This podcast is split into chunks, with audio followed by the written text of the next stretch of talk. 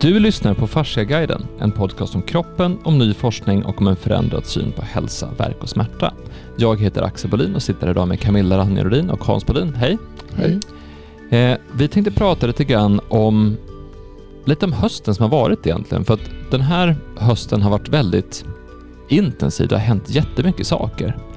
Och när vi spelade in vårt andra avsnitt för den här hösten, det var i sen sommar, det var någon augusti, början av september någonstans, så spelade vi in ett podcastavsnitt som hette eh, Den vetenskapliga grunden bakom fascia och fasciabehandling.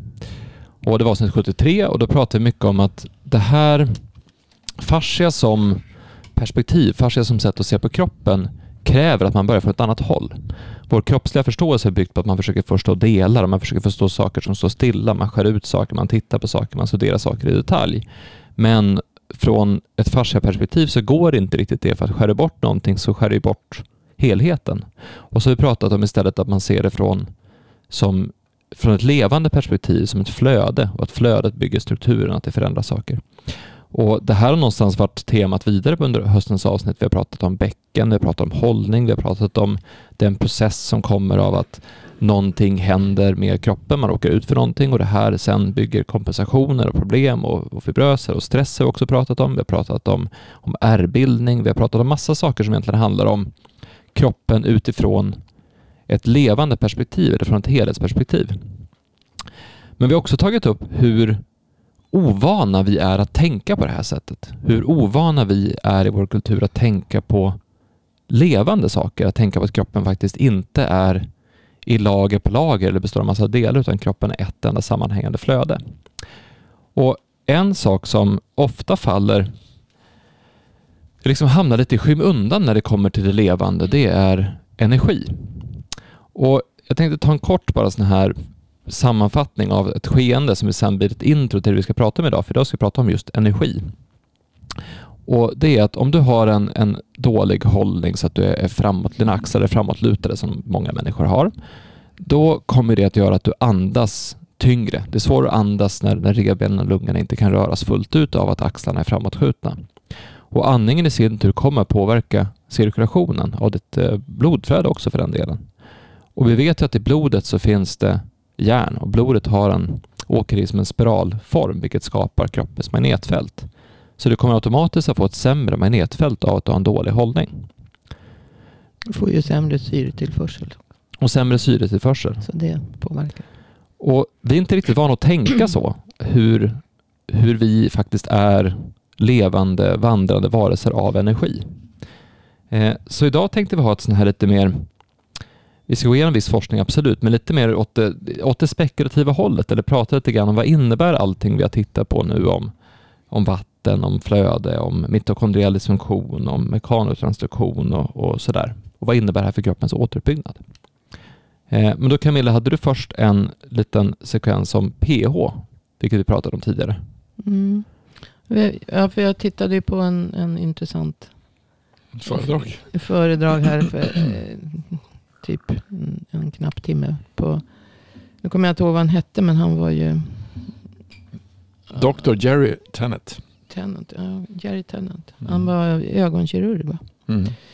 Eh, men han var också homeopat och... Eh,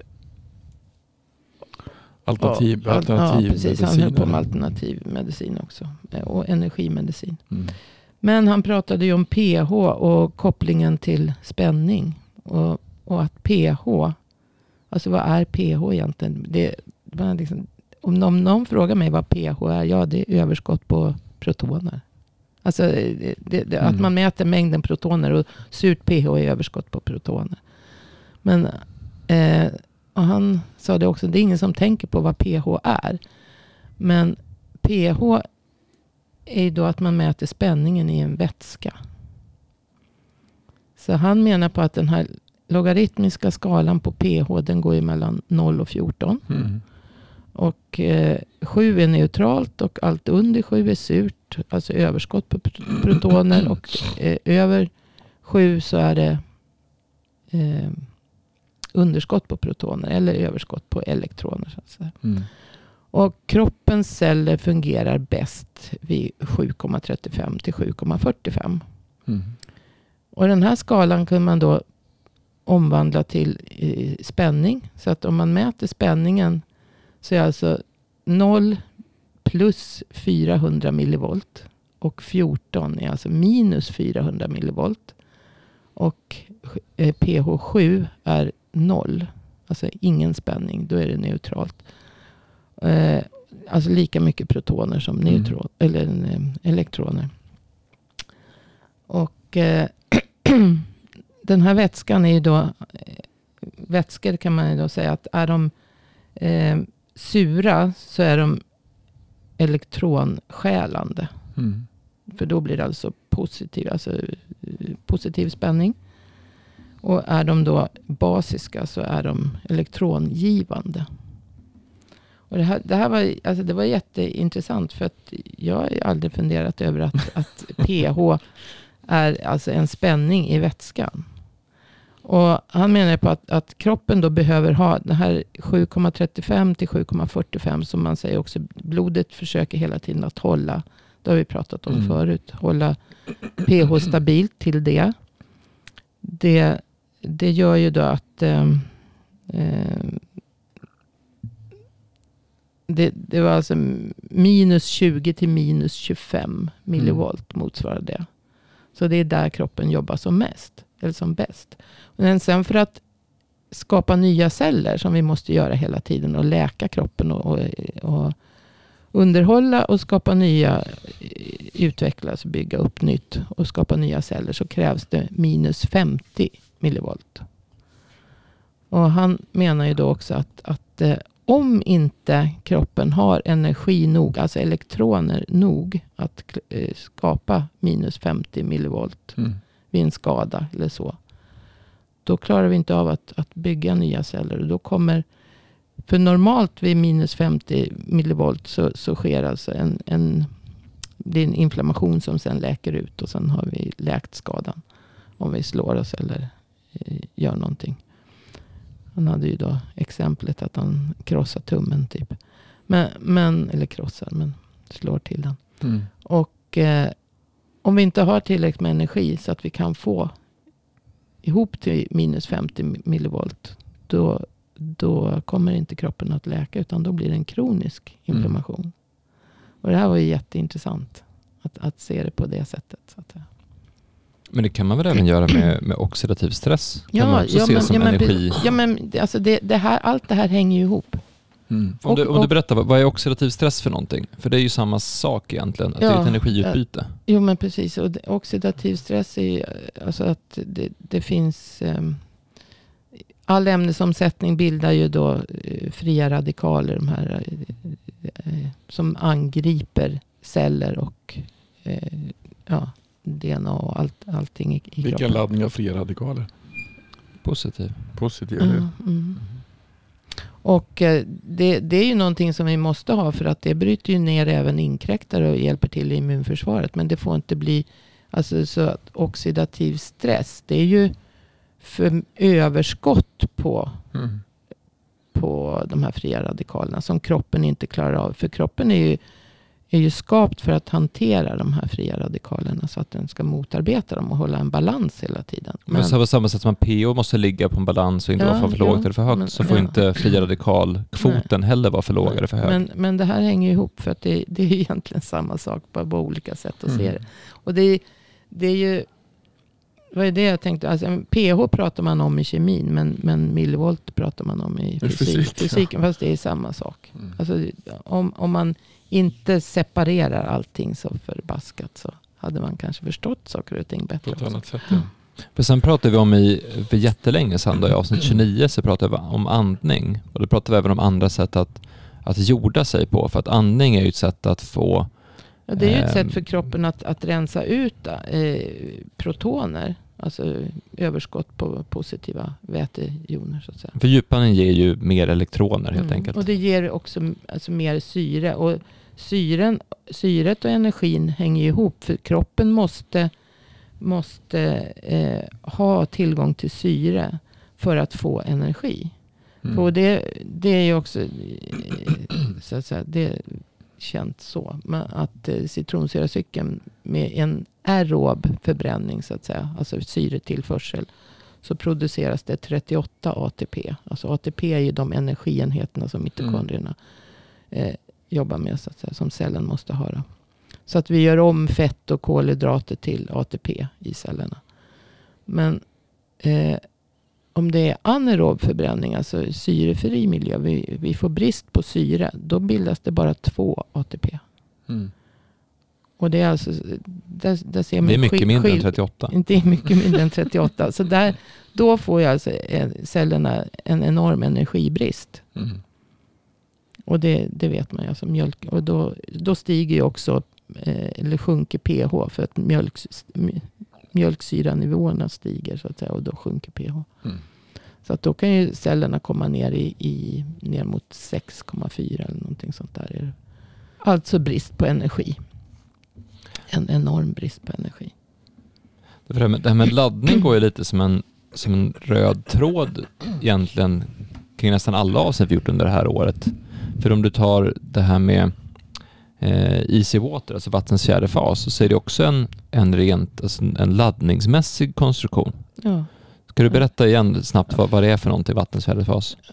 Ja, det var eh, nästan glömt bort. Men, men alltså det är ju att, att vattnet ihop med, när vattnet i kroppen ligger ju alltid ihop med typ proteiner och sådana saker. När det ligger ihop med en organisk yta, ett protein, kollagen till exempel i, i vävnaden då. Och även i blodkärlen så är det ju alltså kollagen och, och andra proteiner. Så eh, då kommer det att strukturera om sig. Det, det kommer att det är det han kallar för vattnets fjärde fas. Då, Pollack. Men att vattnet så att säga, strukturerar om sig från att vara eh, neutrala vattenmolekyler som bara plaskar runt så att säga. Så kommer det att, att strukturera sig, slå av en proton och sen blir det egentligen då en annan eh, kemisk sammansättning. H3O2 pratar han om istället för H2O. Men det här gör alltså att vattnet kommer att bli eh, negativt laddat. Det strukturerar sig i honungskakor som blir negativt laddad. Och det, det kommer också då, och protonerna blir liksom för sig vid sidan om. Och här pratar han ju också om att man kan se när, när vatten fryser så måste det passera den här fjärde fasen som alltså är en eh, kristallin vätska kan man Mm. säga. Som är mer gelformad. Och då innan det fryser så blir det det här fjärde fasen eller easy water som han också kallar det. Och sen är det is. Mm. Och sen när det smälter så är det samma sak. Så blir det easy water. Och, sen, och, då, och det är om, bara en omstrukturering utav vattnet. Så att det är inte vanligt plaskvatten som finns runt i kroppen. Utan när det lägger sig mot proteiner, till exempel kollagen, då, då, så, så blir det den här gelformen. Det han också visar igen, det fanns ett annat sådär, om man kan söka på, jag kan lägga ut kanske det, han visar varför om vatten och väder. Mm. Alltså Ja, jo, men precis. Han pratar ju om det också, om molnen. Och, ja. Hur mycket, hur mycket väg, hur mycket, hur mycket, det är intressant, hur, vatten är ju tungt. Mm. Eh, hur kan det komma sig att vatten fly, eh, svävar? Eh, det, det är ganska intressant, det borde man ju ha läst i biologi eller fysik, men det har man inte riktigt gjort. Men han menar att vatten, alltså i ett moln kan det finnas lika mycket eh, vatten som tusen elefanter i vikt. Och hur kan tusen elefanter flyga runt? Mm. Och, Vad, vad väger en elefant? Är det ton eller? Ja, ungefär 100 ton. Ja, jag tror det väger en ton. Eller fem, ja, en ton tror jag väger. Eller kanske ett par ton. Kolla vad en elefant väger, jag vet inte. Men Tungt i alla fall. tungt är det. Men det han förklarar egentligen varför det, varför det lyfter, det är laddning. Alltså det är laddning som finns i vattnet. Och den laddningen, han tog ett exempel på, om du tar en, två olika laddningar, två protoner som finns, som är olika laddade. Eh, eller samma laddning var det va? Och hur mycket vikt kan de bära? Och då hade han tagit som exempel på det hade han tagit eh, lastbilar. Så 50 000 lastbilar kunde de protonerna bära i vikt. Mm. Så att allting har att göra med laddning. Men, Alltså, och det är samma sak, det blir easy water uppe i molnet också. Exakt. Så innan... innan, Partiklar med. Ja. Ja. Mm. Det, så att energi egentligen, det är ett annat perspektiv att se. Vi säger att om vi, det är också kanske ett sätt att förklara vad placebo är. Om vi har positiva tankar och positiv energi, då har vi en annan laddning i kroppen. Mm. Jag tror, då har man också gjort exempel, alltså titta på vad händer om man ser på en dålig film. Då blir man, då är kroppen ganska slut. Det är inte mycket roligt i det. Så att, alltså att se oss som, som energi och laddning. Det är ju ett helt annat perspektiv att se på kroppen istället för bara att titta på kemi eller titta på att man tittar allting på en gång. Och det Mm. tycker jag att det som är intressant med det här det var ju ett pH-värdet. Har man, då har man alltid tänkt att det är, det är något annat men det är en laddning och då blir det ju mycket mer intressant än att titta bara på en siffra. Men jag minns vad vi gjorde i avsnitt 27 så pratade vi om elektromagnetiska fält. Eh, och då sa vi en sak som här bara oj på. Det var ju det här med att varje sekund så är det sex stycken blixtar som träffar jorden. Mm. Eller sånt där. Alltså det, det, är totalt, det är blixt och väder någonstans på jorden precis hela tiden. Sex stycken per sekund, det är ganska mycket. Mm. Hur ofta ser man en blixt liksom? Eh, men då pratar vi också om det här med att vi som, vi som människor, antingen i vår kultur eller i allmänhet, har svårt att eh, ta på allvar saker vi inte kan se. Alltså saker vi inte kan... För vi kan ju inte se ett elektromagnetiskt fält Mm. Sådär. Alltså, eller de flesta kan det. är kanske någon som kan se det också, men, men det, det, det blir som svårt att, det blir som svårt att ta på. Men, men vi kan ju känna det. Alltså, vi kan ju känna laddning när man går in i ett rum. Vi kan ju känna laddningen mellan två personer. Man ibland kan man vara med en person så känner man att här finns det någon det finns en laddning här. Det finns en dragningskraft. Det finns en attraktion till och med. Så vi använder ju de, de termerna när vi pratar om, om livet i allmänhet. Så. Och man kan ju känna att man, man är lite låg på energi. Jaha, men om man är låg på energi, vad händer med... Varför säger man så? Mm. Och så då funkar ju inte kroppen lika bra heller. Om man är låg på energi. Man tänker inte lika klart. Tiden går annorlunda. Alltså det, det, att vara låg energi är ju... Det, det påverkar allting egentligen. Och där tittar du Camilla på det här med mitokondriell dysfunktion förut. Jo men precis, för mitokondrierna det är ju de som skapar energin med, eh, och, i, i kroppen då och som omvandlar till ATP.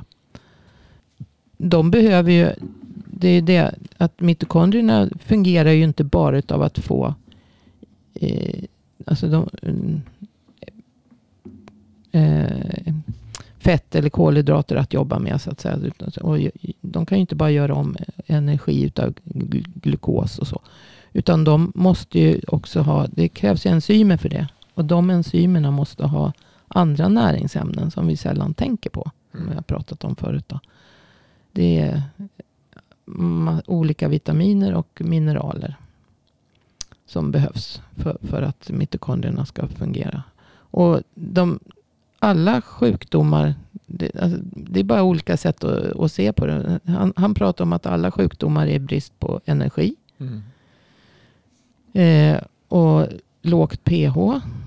Och då blir det också syrebrist. Och, och ja, sen pratar vi om det här med eh,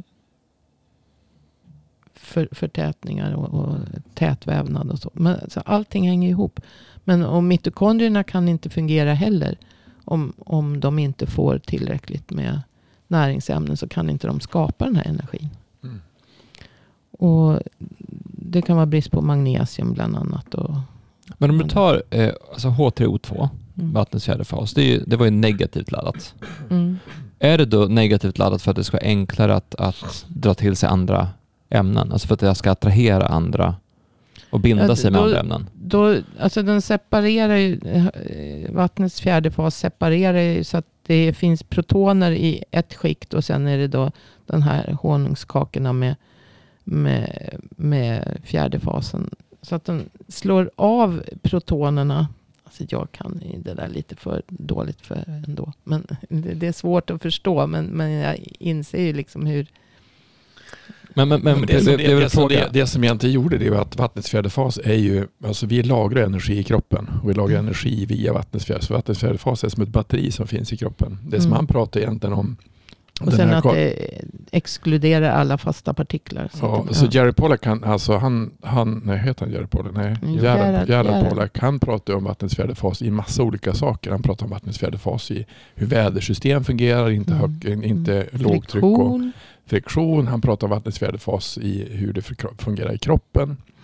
Eh, den här andra, Tenet, han pratar om, han är ju med på samma symposium och han säger att vi är elektricitet. Alltså vi är, små, vi är batterier och mm. batterierna som vi har, det som laddar batterierna det är våra muskler, att vi måste röra oss. Och då är det mekanotransfusion som finns. Um, så att det är mer att, att, titta på det från ett annat perspektiv. Men att det som vi finns, alltså det som finns i, i, i fascian som finns, det finns massa, att fascian kan också användas, lagas, laga energi, men det är ju egentligen i vattnets fjärde fas. Mm. men han pratar ju också om äh, musklerna som är, ja, jobbar så att säga och kontraherar och, och skapar energi. Mm. Men att, att fascian som finns runt om alltihopa är ju en halvledare. Mm. Och kollagenet är ju en halvledare. Mm. Och leder alltså ström. Och, då blir det, och leder ström i ljusets hastighet. Exakt, så då blir det det som han egentligen, det är för, för första forskaren som egentligen, som, eller som har sagt upp, tagit upp att hur kommunikationen sker egentligen. Vi har sagt att den sker i alla fall med 15 meter per sekund.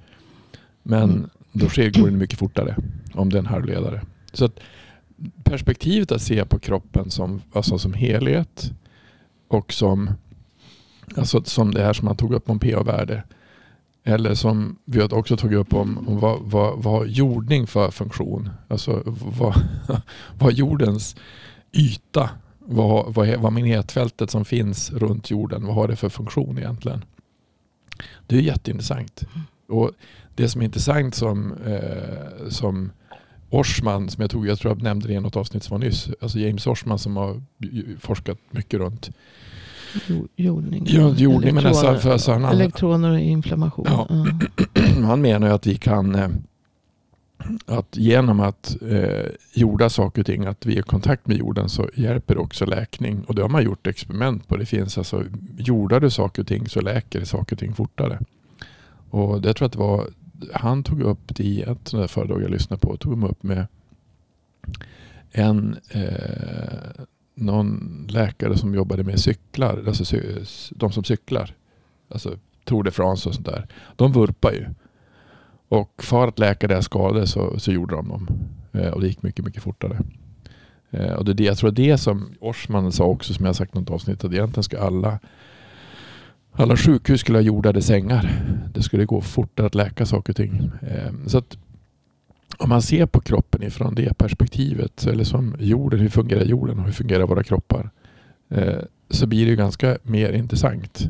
Alltså titta på. Men då, var det jag menar, för du sa ju nyss att, att han, den här mitokondriella dysfunktionsforskaren menar på att, att all sjukdom är brist på energi. Mm. Och vi har ju tidigare sagt att men, all, all dysfunktion i kroppen är ett stopp i flödet. Och det som jag tänkte var intressant med det här är att, Eller ökat tryck, för mycket tryck. Ja, men det som är intressant med det är att om du har att, att kroppen är ett enda sammanhängande flöde, det flödar runt saker precis hela tiden. Men flöde så pratar vi inte bara om vätska, vi pratar om flöde av just energi, mm. vi pratar om mm. flöde av syre, flöde av luft. Alltså allting är ju ett enda kontinuerligt flöde i kroppen. Och då blir det inte så konstigt att, att stopp i det flödet leder till minskad energi. Men får du igång det flödet så ökar energin. Mm. Och där, för jag tror att någonstans så återigen så landar vi oftast i de här extremt självklara sakerna eh, som man ska göra för att ta hand om kroppen. Alltså det är bra att man, man vilar, det är bra att man rör på sig, det är bra att man andas, det är bra att man eh, eh, det, äter ren mat och så vidare.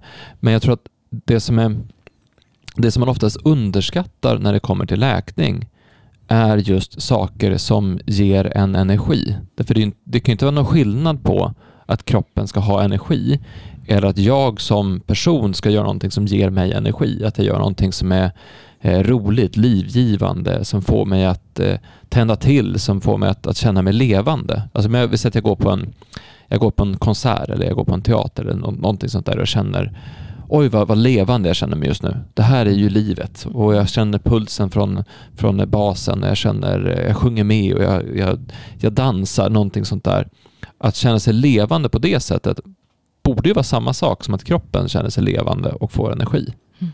För det kan inte vara någon skillnad mellan det som jag upplever och gör och det som faktiskt händer i min kropp. Mm. Eller? Nej, men och, och det är därför eh, i alla fall jag mår jättebra av att komma ut i skogen. Eller mm. att man liksom går, ja, om man går barfota, så då blir man ju jordad. Mm. När, man, när man blir jordad så tankar man ju elektroner. Mm. Och då får man ju alltså spär man ju ut de här överskottet på protoner som man har när man har energibrist. Och, och då får vi nya elektroner. Och det, det, att gå ute i naturen tankar väldigt mycket elektroner. Mm. Och är man då barfota är det ännu bättre. Men, eh, och, och sen får man ta till sånt där med jordlakan och grejer då. För att, Precis. eftersom vi aldrig går barfota. Eh, Men då blir det viktigare så här års också, för jag menar på, på våren, då ser man ju hur, vi lever i ett land som har årstider. Mm. Och då ser man ju alltså våren i, i Stockholm i april när det börjar komma sol och folk Mm. bara sitter liksom i, det är fortfarande kallt ute, men de sitter Mm. på uteservering och bara njuter av livet. Mm. Då får du en annan kick rent hälsomässigt också. Mm. Medan man ser på hösten när det liksom blir mörkare och mörkare och det blir regnigt och det Mm. blir Sen kommer det snö som lyter upp lite grann och så försvinner den och så blir det som sådär. Då, då får man också en... Det måste ju också påverka Jo. energinivån. Men det Mm. pratar han ju också om Pollack. Att just ljuset. Alltså vi får ju inte bara energin via det vi äter. Och näringsämnen. Vi måste ha det också för att mitokondrierna ska fungera. Ja. Men de måste också ha ljus. Alltså det, så ljuset ökar ju det här ja, eh, volymen utav, utav vattnets fjärde fas. Eller easy water då, som han förkortar det till. Mm. Och, och då, då ökar vi ut den, den negativa laddningen i Mm. kroppen genom att tanka ljus. Och han eh, har ju fortfarande han sagt det just att, att det är ju en del av eh, starten på, Mm. på fotosyntesen. Så att säga. Vi måste ha ljus. Och det är då infrarött ljus som, som solen ger. Så att säga, som, och som vi ger varandra också. Mm. Det är därför det är så viktigt med kroppskontakt. Och för handpåläggning är också en, att man ger ifrån sig infra. Allting ger ifrån sig infrarött ljus. Jag tittade på det förut innan. Både, jag kollade på både vatten och ljus. Men ljus tittar vi på. Eh, det tror jag upp i avsnitt att fullspektrumlampor. Det finns ju. Det är det vi har ute i naturen. Så har du 5400 Kelvin. Då är det all, all typ av strålning som finns. Vi ser att, visst, att strålning är farligt. Men det ljuset som finns ute i naturen, alltså finns, det, ljuset som finns på jorden är unikt. Eh, och därför är det kanske lite märkligt att, att det kan man titta på. Vilka lampor har ni hemma? Är lamporna som ni har hemma samma färg som ljuset ute? Det är det ju oftast inte om man inte har köpt fullspektrumlampor som finns. Och där är, det som är intressant med det där är att i, när man odlar växter så är det viktigt med dagsljus. Och i vissa branscher är det viktigt med att ha rätt ljus för annars ser man, så får man fel färger. Eh, till exempel om man ska trycka saker eller alltså den typen av industri som finns. Det som var lurigt när jag träffade det här, det tror jag tog upp det. Jag träffade ett bolag som höll på med det som, som heter Aura Light. Nej, vi, jo, jag tror inte. Det spelar ingen roll. De tillverkat, gjorde de här lamporna i Sverige. Den lamporna som tillverkas med fullspektrumljus, det tror jag var en dags produktion eller två dagars produktion. Så att allt ljus som är som vi har, det är varmvitt eller något annat som färg som inte är det är egentligen det vi ska ha. Och sen har vi också en intressant sak som vi har haft att eh, ljuset som vi har oftast är ju saker som vi ser men tittar man om man skulle göra någonting som är intressant rent designmässigt så ska man ha ett ljus som man inte blir bländad av. Då ska ljuset ligga till exempel i, i, i där fönstren är. Mm. Att man förstärker ljus. Man ser inte, för vi ser, alltså vi, man vill inte, solen tittar man inte på. Eh, Men vi har gjort lampor, alltså glödlampor är ju och ljusrör, det är gjort för att man ska men att, att man ska se på dem. Det som var intressant med det där det var att jag träffade en kille som höll på med eh, alltså vad är det för typ av ljus vi får? Det är ju mineraler. Hur mineraler, alltså vad som händer. Så olika blandningar som finns så får man olika typer av ljus. Så ljus det höll man på med väldigt mycket på 60-talet när man skulle med, med atomubåtar och när man ska upp i rymden. För rymden finns det inget ljus. Är du en atomubåt så under vattnet så får du inte mycket ljus heller. Då mår man inget bra. Så att det påverkar oss. Men, vi, men när man gjorde då titta på hur påverkar det barn att vara inomhus som man har i skolorna med fel ljus. Eh, så det, det är ganska sak, det är lite grann med, så ljus är lite kanske kontroversiellt fast det egentligen inte är det fast vi tänk, tänker inte på det. En annan sak som är alltså lite flummigt, fast det är inte flummigt. Mm. Alltså dagsljus är jättebra. Det är klart att vi ska ut och gå om vi ska hålla oss friska. Samma sak med vatten. Det tror jag också finns, jag vet inte om Gerhard Pollack som tycker att han är en konstig filur, men han är professor på, vad är det, i, han bor i, i Washington, Ja. fast han, är, han bor ju där uppe i, eh, där det regnar så för det, Seattle. Så han är professor där på något, eh, något universitet. Och, och när man tittar på vatten så är det ju, vad hade det, 67 avvikelser mot alla andra saker. Det, det, det fryser inte. Alltså det, det har en massa konstiga saker och easy water är bara ett sätt att visa på det. Eh, men det är ganska intressant att man inte har tittat på det på det sättet. Alltså, vad är pH-värde? Ja, det, är en, det är en laddning. Ja, laddning, En laddning i, i en väts- vätska. i en vätska. Ja. Och vad är vi för någonting? Vi är vätska. Hela våra kroppar är vätska. Vilken laddning har vi?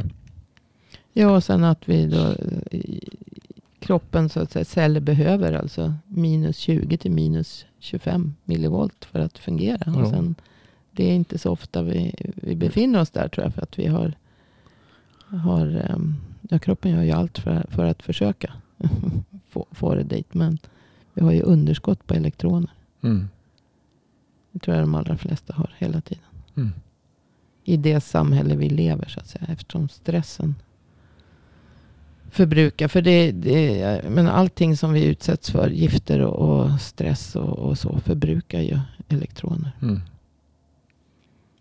Med tanke på då också han sa att, att då måste elektronerna, alltså då måste spänningen öka till minus 50 millivolt. Mm.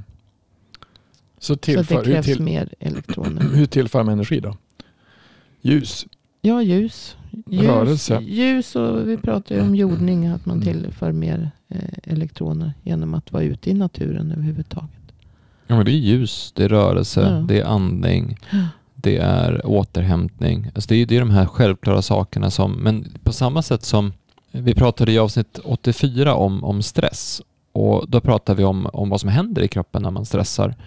Men just att man inte tar, man tar inte in den insikten fullt ut vad som faktiskt händer med kroppen när man stressar. Alltså hur, hur otroligt dåligt det faktiskt är att stressa så här långvarigt som många gör. Och man pratar ju om att stress är inte bra. Så säger man som stress är inte bra och sen går man iväg och stressar därefter. Och det, det här blir ju samma sak, att om du... Ja, det är bra att röra på sig. Ja, men då måste man också, då säger man att det är bra att röra på sig fast man rör inte på sig. Eh, Man säger att det är bra att vara ute i naturen fast man är inte ute i naturen. Mm. Så det, det är återigen, så vi vet ju någonstans vad det är vi ska göra. Men vi gör det inte. Mm. Och jag tror att om, om vi verkligen, verkligen förstod hur mycket det påverkar vår hälsa och vår återuppbyggnad, hur vi tänker, hur vi är, hur vi känner, hur vi reagerar på saker, alltså hela det här inre känslolivet, vilken extrem effekt det faktiskt har på kroppen, så skulle inte vi utsätta oss för saker som vi gör, så skulle vi tänka lite annorlunda på hur vi, hur vi är och hur vi gör. Vi skulle bygga upp andra, andra vanemönster. Man skulle hitta ett sätt att, att släppa ut eh, skiten, alltså de här jobbiga tankarna, ut med dem och inte ha dem i kroppen. Utan, och man skulle tänka på hur man möter andra människor. Man skulle kanske säga förlåt mycket mer. Man skulle ge folk mer kramar. Alltså man skulle, och det här är inte, det är det här som låter lite flummigt, men när man väl tittar på kroppen som just levande, som energi, hur mycket vi påverkas av beröring, hur beröringen eh, skickar den här infraröda strålningen som aktiverar energin i cellerna, alltså hur, hur flödet pumpas igång av att vi är med om saker som gör oss glada och mår bra. Så att, alltså jag tror att vi har, vi har skurit bort den här ehm, just att vara levande från ekvationen, Mm. vilket blir lite konstigt, för det är egentligen det som är det är det som är grejen, att vi Mm. lever. Men det, det pratar han ju också om den här eh. Tenet. Ja. Eh, Just att, ja, det var väl det egentligen det handlade om. Känslor. Mm. Ja, Att eh, varje sjukdom föregås av en känsla. Alltså en händelse. Och det har vi pratat om förut. Just att, att vad som händer i, i livet. Ja, sk- det skapar ju då energibrister. Och sen så blir man eh, sjuk kanske efter det. Det behöver inte vara så att även om man har en, en ärftlig sjukdom så att säga. Som, så, så utlöses den kanske utav att det händer saker som gör att elektronnivåerna sjunker så lågt. Så att Och helt klart, alltså, det, det vet ju alla också, att när man eh, blir stressad och, det, och har dålig energi så blir man också sjuk Mm. på ett helt annat sätt. Och jag tror att det där är Mm. mycket mer, det är mycket mer djupt rotat i oss än vad vi faktiskt förstår. För jag har, i morse när jag var åt frukost då, då ehm, när jag sätter på musik, då min ettåring hemma, hon börjar liksom digga med och dansa Mm. sådär. Eh, och idag var hennes eh, farmor, alltså min mamma, satt mitt emot vid frukostbordet. Och då börjar hon digga och dansa. Och hon dansar och svänger med håret och ler och tjoar och min dotter tittar på och säger så här vad kul det här var då. Här är någon som liksom verkligen sprattlar med och jag har också märkt att när jag väl sprattlar med och så, där, så blir det mycket roligare och då Mm. blir det som någonting positivt.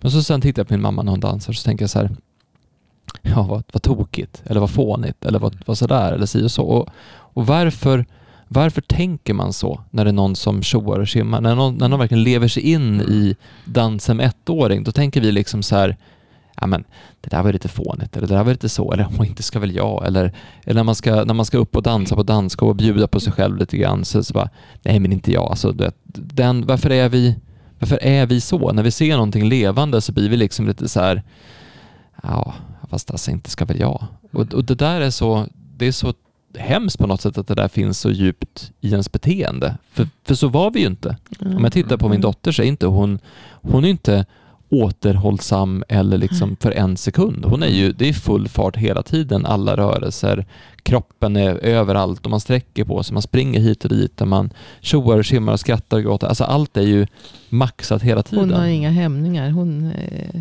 har, ja. hon är inte rädd för att göra bort sig. Nej. Och då, varför Nej, men det är ju man, det man är. Ja. Man är rädd för att göra bort sig. Men därför blir det, där, det som han pratar om egentligen om, om, om att vi är energi. Blir det en annan förklaring till om, om vi går ner i energi, vi går ner i känslor, det händer någonting. Det är klart att det kommer att påverka oss. Och är vi kvar i det så blir det ju inget roligt. Eh, och det är därför det är viktigt när vi träffar folk som kommer, jag tror jag var upp jättemånga gånger, jag tog upp vad, vad, vad har hänt, när hände det?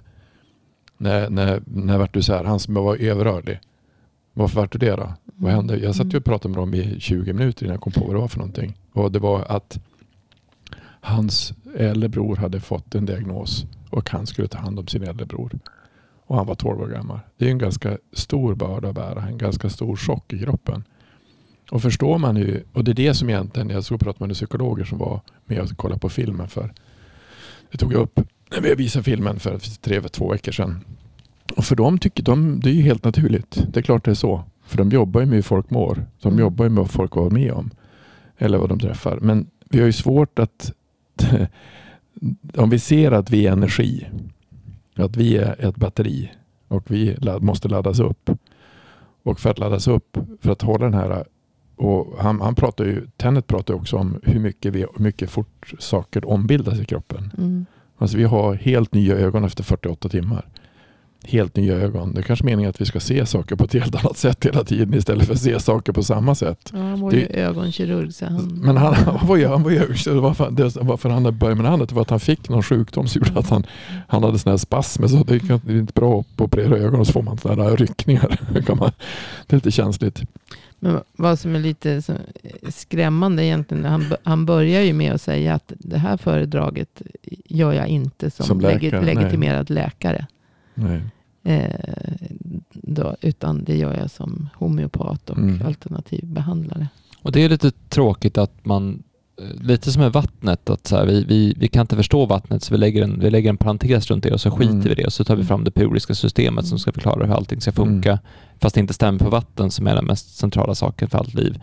Eller lite som det här med eh, hormoner, att nej, men vi, vi, vi studerar kroppen men vi skiter i hormonerna. Vi studerar Mm. manskroppen istället för det blir för komplext, det är för jobbigt att hålla koll på de här.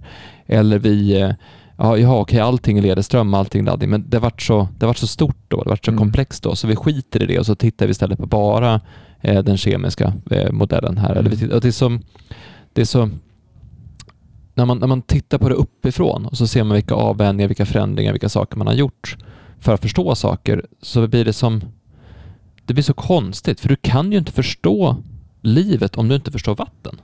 Nej. För att det är ju, alltså vatten är ju det mest centrala i allt liv som finns. Och du kan inte förstå livet om du inte förstår frekvenser.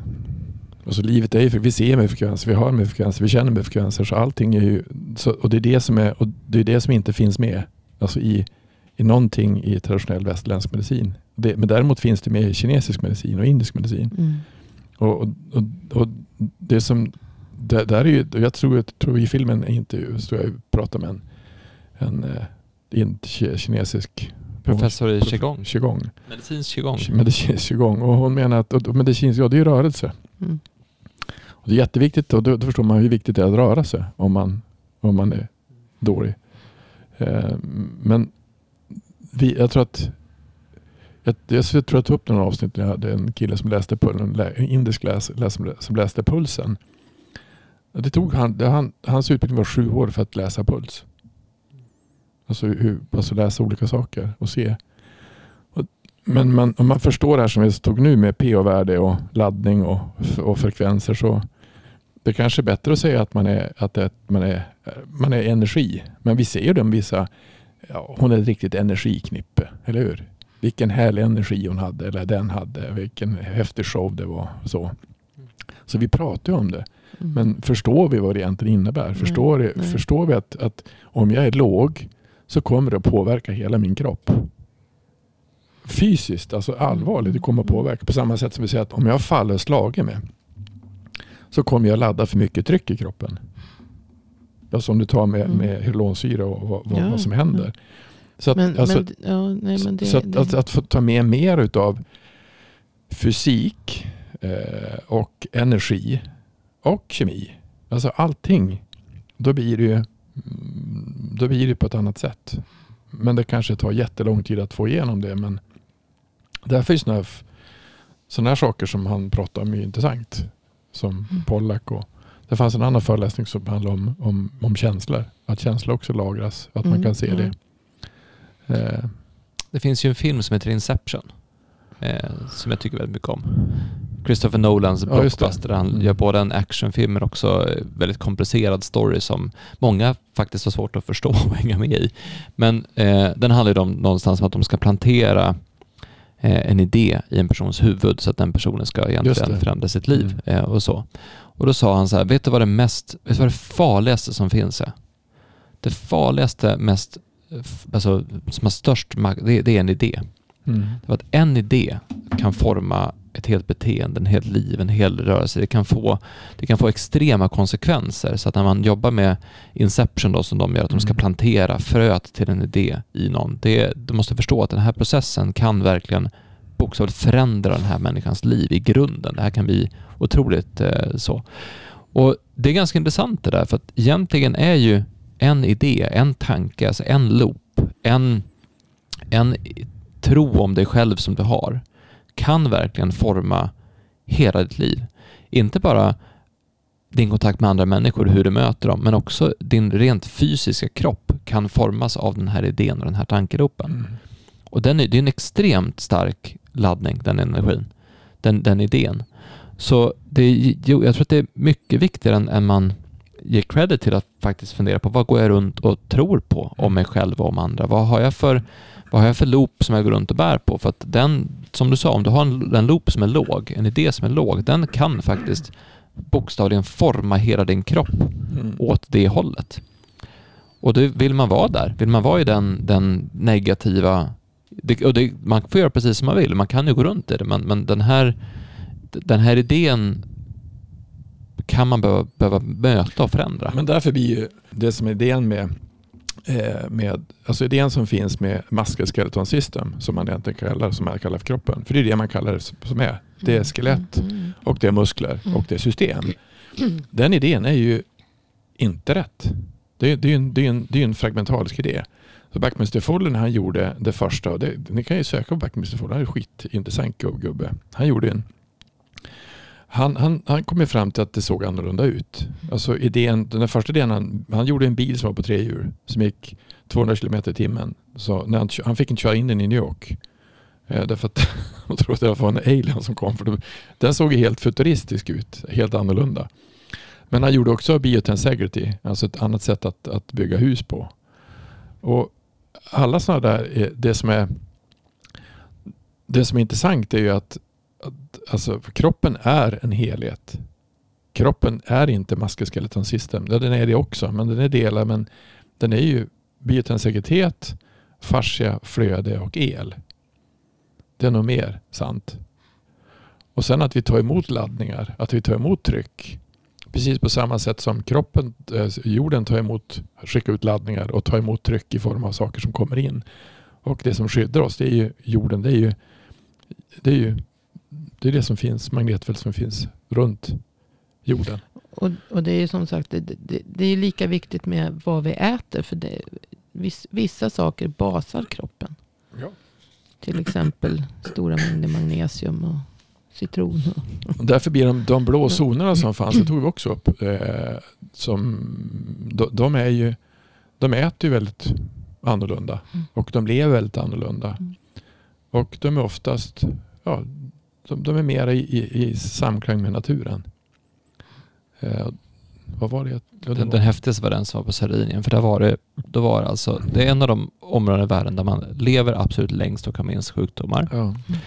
Men gubbarna, de här 90-åringarna, du vet, de, de gick i bergen med sina getter eller Mm. får. Och så sen så hade de liksom en, en eh, lunch som bestod av eh, pecorino, chark, Ja. oliver, ett glas vin och en cigg.